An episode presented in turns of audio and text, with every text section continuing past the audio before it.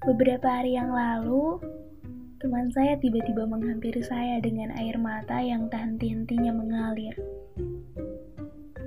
Tubuhnya gemetar, seperti gerbong kereta saat fajar. Saya sadar, ia sedang kacau. Saya tak berani untuk menanyakan apa pun. Saya hanya memeluknya erat berharap ia tenang.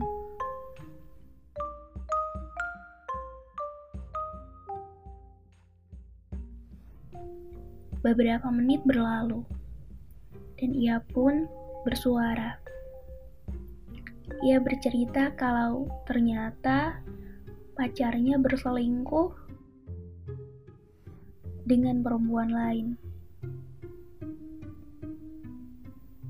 Sesaat setelah ia bercerita, lelaki brengsek itu menelpon teman saya, mencoba membujuk dan merayunya dengan bisikan sayang. Tentu saja, saya yang juga ikut mendengarnya teramat sangat jijik. Kata sayang yang biasanya terdengar manis dan membahagiakan, kali ini terdengar amat sangat menjijikan.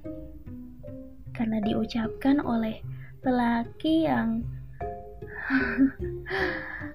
saya tak tahu harus menyebutnya seperti apa.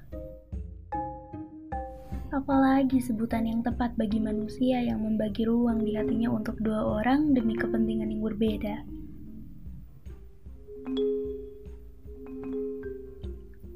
Saya pun meminta teman saya untuk jauh-jauh dari lelaki itu.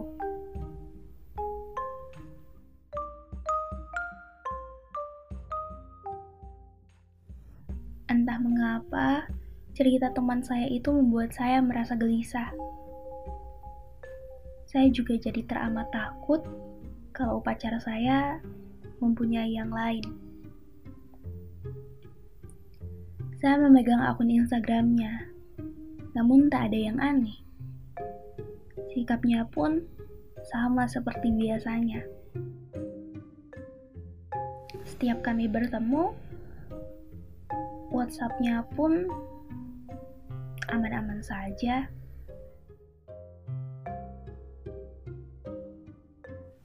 Dan tak pernah ada panggilan mendadak dari seorang wanita, kecuali ibunya.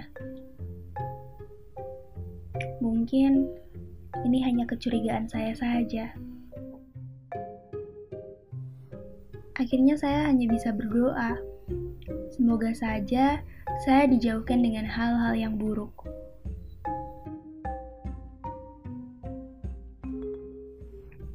Dua minggu berlalu. Setelah cerita teman saya itu, hubungan saya dengan pacar saya semakin dekat dan erat.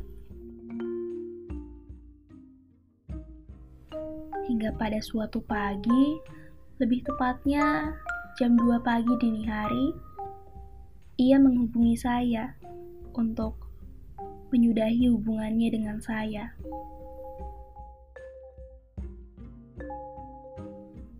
Saya sangat bingung. Dan lagi pula, kemarin kami sempat bertemu dan semuanya baik-baik saja.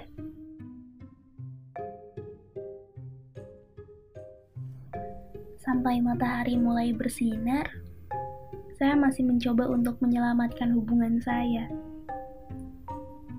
Namun tiba-tiba, notifikasi dari Instagram miliknya muncul.